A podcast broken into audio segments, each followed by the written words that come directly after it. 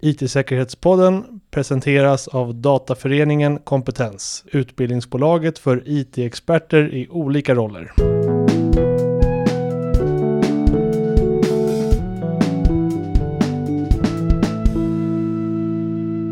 Välkomna till IT-säkerhetspodden, er bästa källa för insikt och tips om hur ni kan skydda er digitala värld. Jag är Mattias Jadesköld och tillsammans med mig har jag en oslagbar expert inom IT-säkerhet, Erik Salitis. Hej Erik! Hej Mattias! Det är alltid spännande att vara här och diskutera viktiga ämnen inom IT-säkerhet. Absolut, och i dagens avsnitt ska vi belysa en extra angelägen fråga med tanke på den kommande julperioden.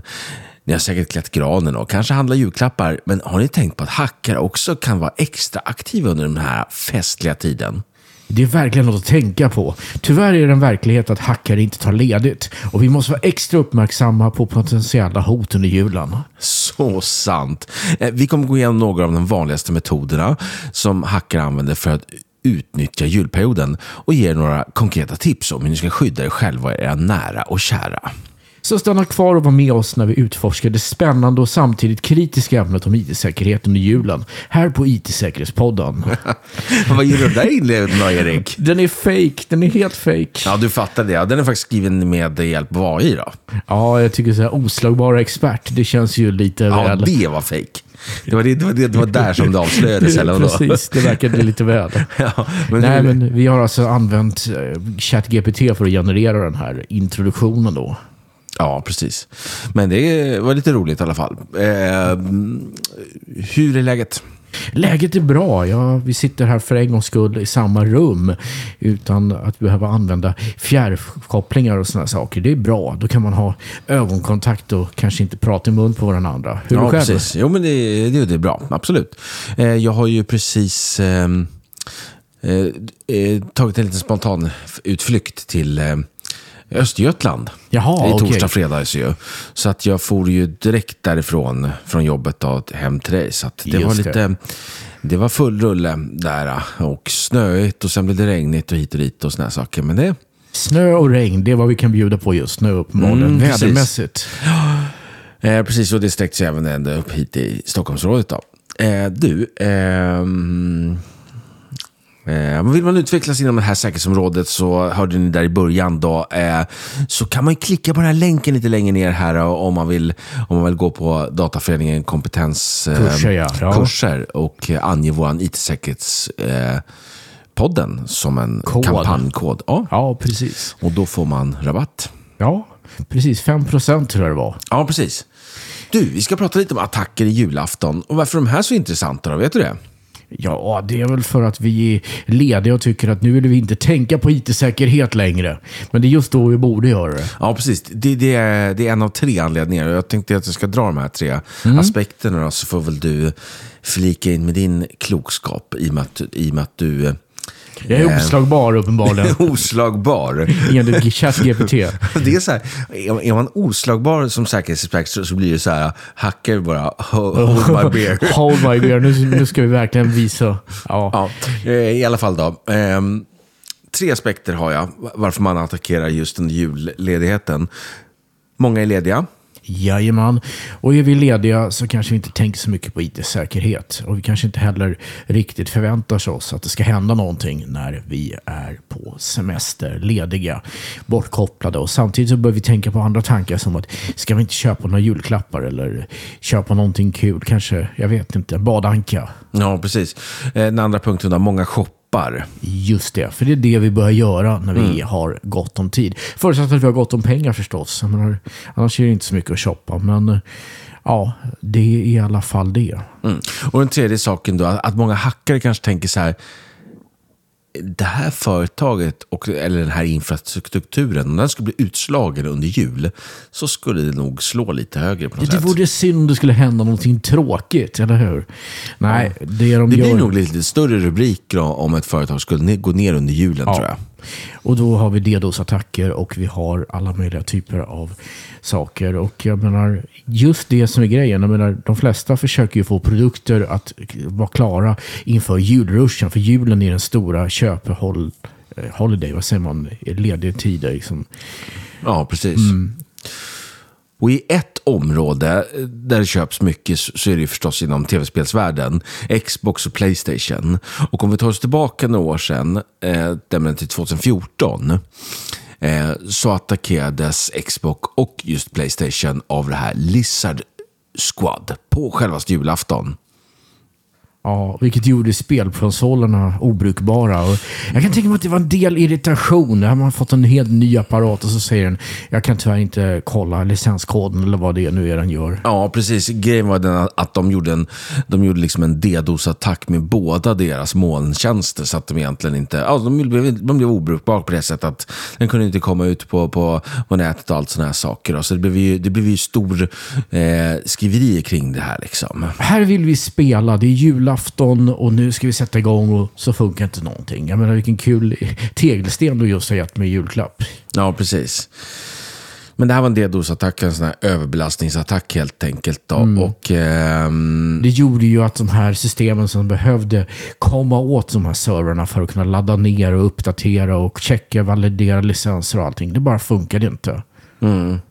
Och de hade liksom, under hela året hade, de, hade den här grupperingen, då, Lizard Squad, eh, försökt attackera just spelindustrin. Eller de gjorde det lyckat då, med DDoS-attacker.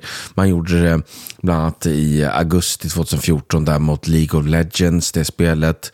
Och sen gick man vidare eh, till eh, Destiny-servrar också eh, i november där. Men det var just liksom kanske det att det blev mest uppmärksammat under julen där när man både tog ner hela den delen. Då. Jag har ett minne faktiskt från förr. När jag fick min Amiga 500, det var 1990, så var det disketter man stoppade in.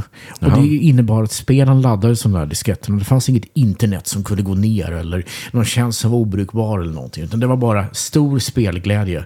Och det spelet jag hade hette F18 någonting. Och man flög ett F18-plan från amerikanska militären. Och det var otroligt känsla, det var det.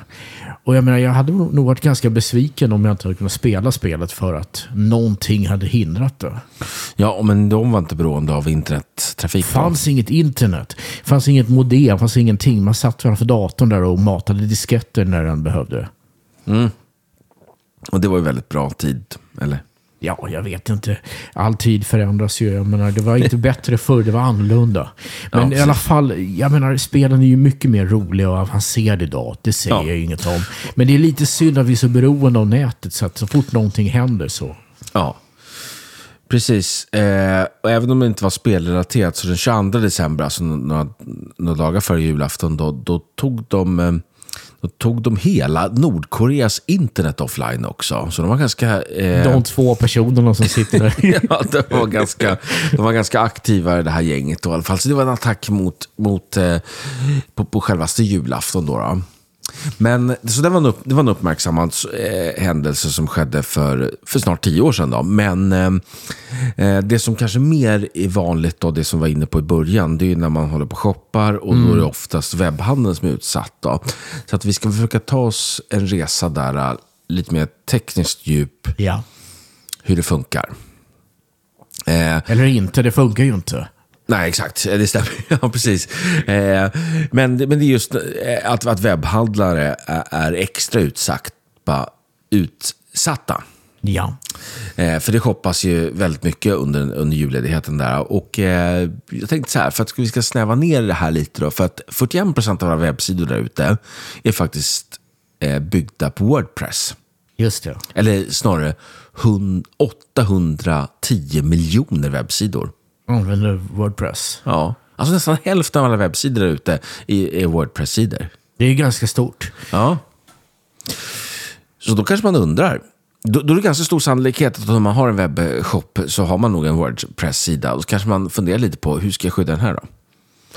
Så Ja. jag tänker att jag tar med lite olika punktlistor här, så får du, får du resonera lite. Som Jajamän. du brukar göra. Ja. Man ska säkra, liksom, säkra inloggningen på något sätt. Ja, det finns applikationer, eller vad heter det, plugins för att stödja MFA, alltså multifaktorautentisering. Och har du Wordpress eller vilken annan typ av tjänst som helst, så vill du ha fungerande eh, multifaktorautentisering till alla. Så att det, det är bara så enkelt. Aktivera det och känn dig lite säkrare. Ja. man ska använda en säker WordPress-hosting. Ja, och det beror ju på. Jag menar, säker, om du betalar för den och det är en kommersiell firma så har de förmodligen en idé om hur de ska hålla upp säkerheten. Men Just det. kolla det. Jag menar, gratistjänster och sånt där är gratis av en anledning. Mm. Och uppdatera din version av WordPress. Ja, det finns plugins som används för att eh, uppdatera det automatiskt. Men det är lite grann, om jag minns rätt från min Wordpress, de jag använt, så måste man gå in i en config-fil och tala om för den att den får uppdatera sig själv överhuvudtaget. Just det. Och sen kan man sätta den här pluginen, då, vi ska inte göra någon reklam för den. Eh, det finns flera och sånt. Eh, och helt enkelt sätta upp den så att den uppdaterar allting. Ja, just det. Och, men, men det märker man också om, om man köper någon sån här färdig tema eller någonting. Det kan vara så här sjukt många olika plugins. Ja, precis. Och de här pluginsen, om de inte uppdateras, kan vara en riskfaktor. Mm, och det ser man också så att man kanske har köpt ett sånt här tema en gång och då märker man att man kanske inte får mm, inkluderat i sin licens att man får uppdatera hur länge som helst. Nej, precis. Så helt ju- plötsligt har man liksom massvis med olika plugins och grejer som man vet inte om man använder och hit och dit och som, som inte uppdateras. Alltså som lite grann säkerhetstestare så har jag ju sett en del WordPress-installationer. En okej. specifik som jag bara tänkte nämna kort, det var att de hade en plugin som hade slutat utvecklas 2016. Jaha. Och jag hittade exakt var den här attacken hade lyckats och upptäckte att nej, det här har inte uppdaterats. Och de har ju lagt ner produkten så det finns ingen varning om att den är för gammal eller något sånt där. Det, bara, det kommer inga mer uppdateringar. Mm. Så var noggrann med att kolla att de här pluginsen fortfarande existerar om ni använder Wordpress. Mm, just det, precis. Och så säger man också att man ska uppdatera versionen av POP. Ja, det är ju som allt annat. Och vad är POP då? PHP är ju programmeringsspråket, eller vad man ska säga, som de här Wordpress kör på. Okej. Och det gäller oavsett vad man har för någon typ av ASPX eller vad, någon annan sak. Det måste uppdateras och det får man ha en mekanism för. Jag menar, i Linux så använder man väl ofta APT eller Yum beroende på vad man nu kör för någonting. Okej. Mm. Så se till att uppdatera Apache, Nginx eller om det är PHP eller allting ni har körande i botten på hela produkten. Då. Just det. Men om man, men om man har köpt en Wordpress från, eh, från någon sån här webbhotell. Då gör de det. Då gör de det. Och det är Jajamän. därför man ska titta på att det är liksom en, en schysst firma som är liksom erkänt och sådär. Mm, bra. Eh, aktivera SSL, HTTPS. Ja, det låter lite gammalt idag, men eh, det gäller fortfarande. Kort sagt, ha ett cert. Ja, det finns ju något som heter Let's Encrypt som faktiskt fungerar. Som helt enkelt är en gratis certifikatshanterare så du kan enrollera egna certifikat och sånt. Så det behöver inte kosta stora pengar längre. Men även om du har intresse av att köpa dem så finns de till billiga priser på de flesta leverantörer av sådana saker. Men du måste ha HTTPS. Om inte annat för att du ska hittas lättare. Därför att Google anser att HTTPS är nödvändigt för att få en bra Google-rankning. Har du inte HTTPS så rankas du ner. Du hamnar längre bort på sökresultaten även om du har relevanta sökord och sånt där i metabeskrivningarna. Ja, precis. Ja. Installera en brandvägg. Ja, det borde du ha vid det här laget, så det är nästan inte värt att säga. Det finns ju sådana här waffar eller Web Application Ja, Firewall. men vi kommer till den lite senare, tänker jag. Så vi kan gr- grotta lite i den. Eh, men, men brandvägg, återigen det här, har man en schysst eh, hostingställe där man, där man köper en Wordpress-instans, då förutsätter man att det finns en brandvägg där ju, eller Ja, precis.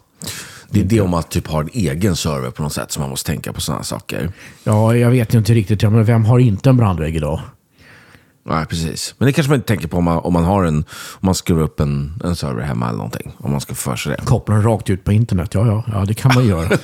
det kanske inte... Det är inte det mest visaste. Nej, det känns som att liksom det enklaste steget för att starta en webbshop är nog att gå på någon av de här eh, ja, webbhosting-hotellen. jag tror det också. Säkerhetskopiera din webbplats. Ja, det är bra. Backup. Just det. Det är viktigt i alla fall nu. Man tänker på det här NIS 2-diskussionen vi haft tidigare. eh, Så kommer vi ju mycket till eh, kontinuitetsplan. Det är otroligt viktigt för alla företag och organisationer. Att ha en, ja. ja. Kontinuitetsplan. Och kontinuitetsplan kopplar man ju oftast mycket kopplat till backup. Att, att, få, att få tillbaka verksamheten. Eh, där kan ju naturligtvis vara backup vara en av säkerhetskomponenterna. Ehm, regelbundna säkerhetsskanningar. Ja, det är ju en bra fråga. Ska man verkligen göra det? Har man en enda maskin på en enda nät så, där, så kanske det inte är så intressant. Men börjar det komma upp till ett antal servrar så kan det vara bra att veta det om någon kopplar in andra maskiner på ditt eget nät som du kanske inte har koll på. Och naturligtvis hålla koll på de maskiner du har. Och det finns ett antal produkter. Jag menar, jag ska inte göra reklam för någonting, men det finns ju det här som heter GVM eller OpenVAS som är gratis som man kan köra. Eh, Och det fungerar helt okej. Det finns även en del kommersiella lösningar som man kan köra. Eller så får man köra Nmap till exempel. Det är också ett gratisprogram som kan hitta saker. Okej, men eh, det här känns ju som att, att man oftast är ganska, liksom, att man är en liten enterprise-typ av kund om man börjar köra så här sårbarhetsscanning och enterprise, eller så- säkerhetsscanningar och sådana saker. Just det. Filtrera bort specialtecken från användarinput. Ja, det är egentligen är väldigt svårt att säga att det är bara specialtecken. Utan det handlar om att filtrera allt input. Helt enkelt, om jag kräver, vill veta din skostorlek så förväntar jag mig ingenting annat än siffror. För det Just finns det. Inget, jag kan inte, och då måste jag tala om för den att om det kommer någonting annat än siffror, kasta bort hela inputet. Jag förväntar Mm. mig siffror. Och samma sak är det ju med namn, med lösenord och sånt där. Det finns vissa begränsningar. Och varje fält måste ha någon form av filtrering som kollar efter skadlig kod eller helt enkelt skadliga tecken eller någonting. Okej, är, är det här kopplat till eh, SQL injections? Eller? Ja, det är en annan sak. Jag menar, om du filtrerar bort ett apostrof så löser du vissa av dem i alla Just fall. det. Så att finns det ett inputfält där det står eh, eh, skonummer som du hade som exempel och så får man skriva vad tusan man vill. Då kan man gott skriva, då kan en hacker skriva typ kod där liksom. Till exempel. Mm. Det beror ju också på hur man skyddar SQL-databasen bakom så att säga. Ja. Men det är fortfarande inte lämpligt att tillåta vad som helst att matas in oavsett vilket. Men det är ett ganska enkelt sätt. Och, och dessutom ha, kanske man har sådana här formulär på sin hemsida. Att man så här, prenumererar på en nyhetsbrev. Ja, här ska vara e-mailadress. Ja, det det bara tillåter liksom och så Ja, vidare. precis. Och då vill man ha en validering på det. Både på själva klienten, så att till exempel JavaScript används för att tala om att det där är ingen e-postadress. Men även på serversidan så måste den kunna varna och säga att det här accepterar inte jag. För det innehåller inte namn at domän. punkt någonting. Just det. Ehm, begränsa användarrättigheter. Det är en sån här bra grej. Ja, least privilege kallar man ju det på engelska. Ja, det är ju liksom klassiskt säkerhetsspråk. Liksom att eh, man ska bara ha behörighet till det man vill ha. Eh, least privilege eller eh, Ja, det är väl ungefär det det är. mm, separation of duties kan man också Ja. Fast det är lite, annorlunda. det är inte riktigt ja. samma sak. Men Ja. det, man, least privilege innebär helt enkelt att, att man inte låter... Ja, men om du till exempel har en webbsida där du bara visar information. Då kanske du inte ska ha att den eh, kontot som kör databasen har annat än läsrättigheter. Nej, exakt. Och har, har man, är man flera medarbetare i sin organisation, kanske någon som bara skriver blogginlägg. Ja, men den personen kanske bara ska ha rättighet att skapa bloggar och jobba med Ja. det. Ska inte ha be- behörighet att kunna skapa nya användare och så vidare. Och så vidare liksom. eh, och det där är också återigen kopplat till, till eh, NIS 2 som vi hade förut. Liksom, att man ska ha koll på, eh, på accesser. Just det, precis. Det, det är väldigt viktigt och det, det, det, det är liksom grundläggande cyberhygien i allt vad man gör. Oavsett om man har en webbsida eller vad som helst. Vem har rätt till, till, till vad och, och sådana saker. Då. Just det. Eh, nu kommer också till lite så här saker som kanske är lite mer enterprise-stuk. Övervakning, visst, bra, men logga användaraktivitet. Ja, precis. Och det är inte svårare än att se till att skriva det till en textfil eller någonting. Eller om du vill ha en databas eller någonting. Eh, Det viktiga är ju att den sköts på ett sätt som gör att den säkras. Det vill säga den kopieras bort från maskinen den kör på till en annan maskin som tar emot den. Till exempel via syslog-protokollet. Okej, ja precis. Det finns ju ibland så här, om man pratar säkerhetslösningar, vi pratar om SIEM-system och det. Men du till exempel, vi, vi satt ju och byggde tillsammans för några månader sedan. Du byggde ju en sån här syslog-server ju. Just det, Hur funkar en precis. sån då? Ja, den tar ju emot anropen och sen lagrar den den i en fil. Och har man varit lite slundig och tänkt till så kan man se till att du har en fil som skapas för varje host som kopplar upp mot den. Då är det väldigt lätt att titta igenom den. Och jag menar, CM-lösningen kräver ju att det finns en logg. Ja, och SIEM är oftast liksom ganska avancerade system med, som är licensierade och allt möjligt sådana här saker. Men, men en syslog liksom bara Den dumpar ju på det. Det är ju problemet är hur läser du loggen sen? När du har en enkel lösning med hjälp av någon form av sysslogg, då får du använda greppkommandot för att söka och sådana saker. Ja. Och det är kanske inte riktigt bra. Då kanske man istället vill använda Kibana eller någonting. Okej. Ja, Men, det, men liksom, men, eh, det, är, det reaktivt säkerhetsarbete. Vad har hänt? Då, Ja, då kan man in ja, och gräva ja. där. Liksom. Eh, och det är därför man kan logga. Och det är väl återigen kopplat till oftast regulatoriska krav. just det. Att man, att man måste logga vissa aktiviteter. Ja, enkelt. precis. Det stora problemet med loggar är ju att folk skapar dem för de vet att det är vad som krävs för att kunna kryssa i de här rutorna och säga nu är vi säkra.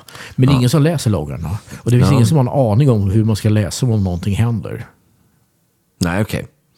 Så att det är också en grej att jag tror att det räcker inte att logga. Det måste finnas någon form av övervakning, någon form av logganalysverktyg till det hela. Men nu känns det som att man, man pratar om lite, nu, nu är vi liksom inne på att man kanske är lite mer enterprise-stuk. Ja. Liksom. Det, det är inte den här uh, skoförsäljaren. Nej, men Som bara startar en skoförsäkringen liten- kanske inte kan läsa sysloggar heller. Vad vet jag? Nej, precis. Nej, det vet man inte. Sko och eh, sysslogg eh, shoppen. Nu går vi in på lite så här eh, säkerhetsdetaljer i Wordpress-inställningar. Ja. Vi får se här om vi verkligen håller med om alla Nödvarning. grejer. Ja, det kan det vara. Men, eh, men det kan också vara så här, jag håller verkligen med om det här.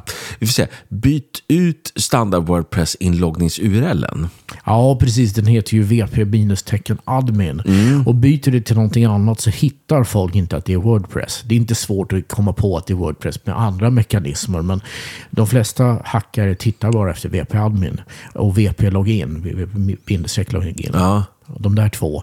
Finns de så börjar de att rassla på med sina attacker. Finns de inte så är det inte säkert att skriptet fattar att det där är Wordpress. Så Ja, det, men- det, det är lite grann att gömma sig. Men när jag läste det så kände jag så här, att det här är lite security by obscurity. Att, att Det är typ ganska här, exakt vad det är. Ja, så här liksom att bara för att byta en URL, det blir inte säkrare webbsidan. Blir inte Nej. det. För liksom en, en hacker som verkligen vill ta sig in, det är inte så att de ger upp då. Liksom. Nej, då försöker de hitta andra mekanismer. Men, men däremot, väldigt många av de här verktygen som du använder för att kolla Wordpress. Till exempel WP-scan som är ett ganska känt program för att kolla sårbarheten hos Wordpress. Den funkar ju inte om du inte har en korrekt WP-admin-sida att titta på. Ja, okej. Ja, ja. Ja Så men, att- så, så, det är inte helt dumt då egentligen. Nej, nej, det är inte helt dumt. Nej. Nej. Det är till och med ganska smart. Ja, okej. Ja, ja. security by obscurity. Alltså, jag, jag, jag förstår vad du säger, men jag är fortfarande inne på att ibland kan det hjälpa. Därför att en del hackare bygger allting på sina skript. Ja. Och då hjälper det faktiskt. Just det. Okej. Byt ut din databasfilprefix. Ja, precis. Den heter ju någonting i form med WP som Wordpress. Och en hackare som lyckas med en SQL injection kan gissa namnen på dem. Och jag säger, jag tror inte att det är intressant att hålla på med överhuvudtaget. Att byta? Det, ja, det är security by obscurity i mina ögon. Alltså, Ja, jag, vet- jag vet inte. Det, det gör det svårare att göra en SQL injection. Men jag, jag är inte hundra på om det är så mycket. Om det är värt extra mödan. Det känns som att det är bättre att jobba med inputfälten. Ja, precis. Och se till att sajten är säkrad. Ja. Alltså, jag säger inte att det är fel, men jag säger att jag tror att det finns bättre lösningar till en säkrare sajt. Ja.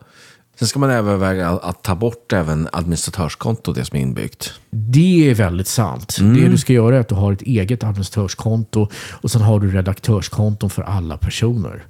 Så att du inte har liksom att någon av de personutpekade kontona är eh, administratör, utan då har du ett speciellt adminkonto. Och då kan du ha glaskrosssäkerhet, det vill säga du har det här lösenordet säkert förvarat på en papperslapp. Ja, eller break the glass-konto. Ja, precis. För att normalt sett. Glaskrosssäkerhet, det är första gången jag hörde det, svenska benämningen. Ja, för sig. det är Tjusigt. någonting ja. jag hittade på där. Men, eh, Ja, ja, okej, man kan break the glass-konto, ja precis. ja. Eh, och då är det också bra loggning om man har sådana saker. För då, då ska man logga det kontot Ja. supernoggrant så fort den försöker autentisera. Så då förstår man att det är en hackare som pillar. Ja, egentligen. precis som du ser att någon försöker ta sig in där. Ja. Någon försöker använda det. För det ska ju bara användas i yttersta nödfall. Men jag tänkte på, eh, det, det får man lite att tänka på den här Windows-miljöer också. Det Ja. finns också ett inbyggt Windows-administratörskonto. Ska man, liksom, nu lämnar vi lite WordPress-världen, Ja, ja. men, men ska man, ska man typ ta bort sådana standard-admin-konton också eller? Ja, eller använda något som heter LAPS. Som Ja. är till för att eh, helt enkelt hitta på slumpmässiga lösenord, lagra dem i Active Directory. Och på så sätt så har du inte samma lösenord. Då kan du ha dem igång. Ja, just det. Mm. Mm, Just det. För jag kommer ihåg någonstans att, att adminkontona alltid samma sida och här saker. Eller så. Ja, det är, när det gäller Active Directory så är det 1, 500... Ah, jeez, jag kommer inte ihåg riktigt. Ja, något sånt där. Mm. Och sen ska man typ överväga att dölja sin Wordpress-version. Ja, det Jag kanske vet man kan inte. göra. Jag vet inte. Alltså, det beror på... Jag menar, det är lite security by obscurity. Jag tror att om du har gömt bort din VP-admin och eh, stängt av RPCn och allt det där och Ja. sen eh, fimpat VP-login, då är det ingen som kan hitta din versionsnummer på direkten. Då måste de göra andra saker. Jag tycker att det är bättre att ah, liksom på något sätt så här. Du, ska alltid ha den senaste versionen. Just det. eh, Tycker jag liksom. Så att du ska aldrig skämmas för vilken version du kör på något sätt. Liksom, du ska alltid ha den senaste. Så det är bättre att försöka satsa på en, på, på en bättre rutin att uppdatera din Wordpress. Ja, precis. Än att försöka dölja vilken version du har. Om du sitter på en gammal Wordpress-version så gör du någonting fel från grunden. Ja, förmodligen ja. Ja, precis. Ja, bra. Då håller vi med varandra där. Ja, ja, ja, visst. Du, eh, du nämnde ju det förut, Web Application Firewall. Eh, och nu eh, pratar vi liksom lite mer, liksom oftast lite enterprise-miljöer och sådana här saker. Vad eh, är en Web Application Firewall, eller WAF? Ja, WAF ja, precis. Ja, det är alltså en form av brandvägg som kontrollerar på lager 7. Det vill säga den tittar på texten som skickas mellan webbservern och den webbklienten som är där. Och letar efter SQL injections, den letar efter cross-site scripting, den letar efter olika typer av illegalt input. Och den är ofta byggd på det sättet att den kollar efter svart, eh, vad är det man säger? Magi. Blacklist. Jaha. Alltså i princip så har den en svart lista över saker den inte tycker om att du skriver. Och det har jag ju märkt som pentester när jag har gjort vissa tester. Att man ser de här waffarna när de dyker upp. För de brukar alltid blockera de här enklaste typerna av SQL injections. Okej. Men de är inte perfekta. De blockerar bara de vanligaste attackerna. Så det är egentligen ett skydd mot att du inte har gjort applikationen rätt i botten så att säga. Ja, okej. Mhm. Säkerhet byggs ju som en lök med lager på lager. Och waffen står framför själva webbapplikationsservern. Men vad brukar jag säga om lök då? Luktar illa? Nej, vad- jag brukar säga att även en lök går att hacka. Ja, just det. Ja, precis. Men okej, så, så, så, och, och lager 7, det är den högsta nivån i applikationslagret ju. Ehm, hur, hur liksom placeras en WAF då, liksom? Bredvid en vanlig brandvägg? Liksom, Nej, eller? den, ja, det vet jag inte riktigt. Det beror nog på. Det är nog en riktig brandvägg som är lager 3 eller 4. Och sen har du en eh, waff eh, efter den och sen så har du själva servern då. Mm, just det. Jag menar, Och, men, men, men waffen brukar hänga ihop någonting med det här OWASP på något sätt, eller? nej. OWASP har ju en topp 10-lista över de 10 sakerna du ska göra för att hålla din webbapplikation säker. Och en WAF kan hjälpa till med det här, men den är ju inte liksom huvudsyftet till det. Eh, de här 10 sakerna säger ju saker som att du ska kon- kontrollera allt ditt input. Okej. Ja, och det är ju egentligen på webbapplikationsfronten. Det är egentligen, OWASP topp 10 är till för utvecklare primärt. Mm. Just det. Men eh, jag, jag vet att det är många sådana här WAF-leverantörer ute som brukar liksom skryta med att man följer OWASP och sådana här saker. Ja, då, då har den byggt filter för att filtrera för de vanligaste inputfelen och sånt där. Och en hel del andra saker också. WAF topp 10 har ju lite fler saker än bara input som de diskuterar. Men- Ja, men det är, väl, det är väl inte dumt heller, liksom, om det är topp 10 som OWASP står för, de, de viktigaste attackerna, a, a, att, en, att en sån brandvägg... kan, kan hjälpa till där, Ja. absolut. Men jag tycker det är en jättebra grej med en Web Application Firewall. Men den kan ju inte ersätta att det saknas säkerhet i, i applikationen som ska skydda. Precis, just det. Ha, vi lämnar webbvärlden här ehm, och, och, och tar oss tillbaka till eh, bjällerklang och julstressen här.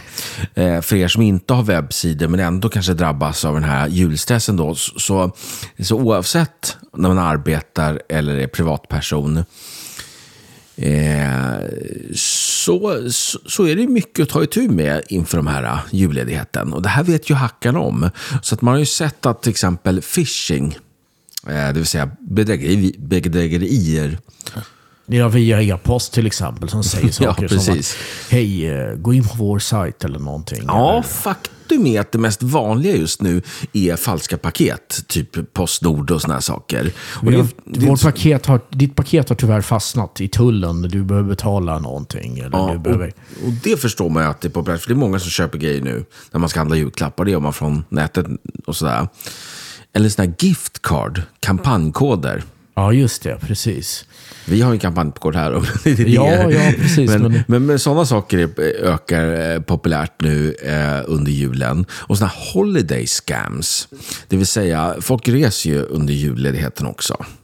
Skaffar boenden och sådana här saker. Och, eh, och reser till nära och kära. Just det. Eh, Och det är också nytt, utnyttja hackarna. Då, så att om du, om, du, om du ser liksom... Eh, om du ser mejl eller, eller reklamgrejer om, om eh, billiga boenden och sådana Mm. saker så ska man nog tänka till en extra gång för att eh, gå till de här trovärdiga platserna. Men alltså när det gäller mail så har jag den åsikten att om jag får ett företagsreklammail så vill jag veta att jag har kontakt med dem innan. Jag, menar, jag tycker personligen att det är ett bedrövligt det faktum att man får så mycket skräp från företag som man inte har kontakt med. Och jag menar, jag skulle aldrig köpa någonting av någon firma som gör reklam för mig om inte jag redan har jobb betalat för någonting tidigare. För då vet jag att den här firman är okej. liksom. Så att om det dyker upp någonting och erbjudande eller någonting. Jag menar, varför ska du ta emot reklam på ditt privata mejlkonto? Säg ifrån. Ja, precis. Så lite tips där liksom. Sänk tempot. Ja, precis. Stressa inte. Och tänk så här, när det kommer upp någonting som talar om att paketet har fastnat i tullen eller någonting. Fundera på ett, har du ett paket på väg överhuvudtaget? Om du inte vet det så tror jag du kan ganska snabbt slänga det där brevet. Och om du har det kollat i rätt, rätt leverantör. Ja. Jag menar, är det Titta post- på avsändaren, Ja, mejladressen och sådana saker. Titta på länken som går till den där sidan. Om den ser ut som någonting väldigt konstigt så är det nog dags att inte klicka på den. Och om det inte kommer från självaste jultomten själv så är Ja. det nog för bra för att vara sant och då är det nog ett phishing ändå. Ja, precis. precis jultomten, det, där har vi satt standarden här. Ja, precis. Riktiga tomten. Som börjar... Hur eh, ligger vi till tidsmässigt på avsnittet? Ja, det är en bra fråga. Vi ligger 34 minuter. Ja, men då är det ju lagom att knyta ihop säcken då. då. Ja, precis. Julklappssäcken kanske. Ja, eh, som sagt då. då eh, och, och det som vi har nämnt tidigare. Kolla länken där från Dataföreningen Kompetens. Rabattkoden som IT6-podden. Så eh, hörs vi. vi. Vi har lite intervju på gång va? Ja, vi har lite saker på gång. En tradition som nästan är här på IT-säkerhetspodden. Men jag säger Exakt. inte mer. Nej, exakt. Det kan man ju nästan bara gå tillbaka och titta vad vi har haft för andra jultraditioner. Får vi se. Ja, Då. precis. Kanske räknar ut det.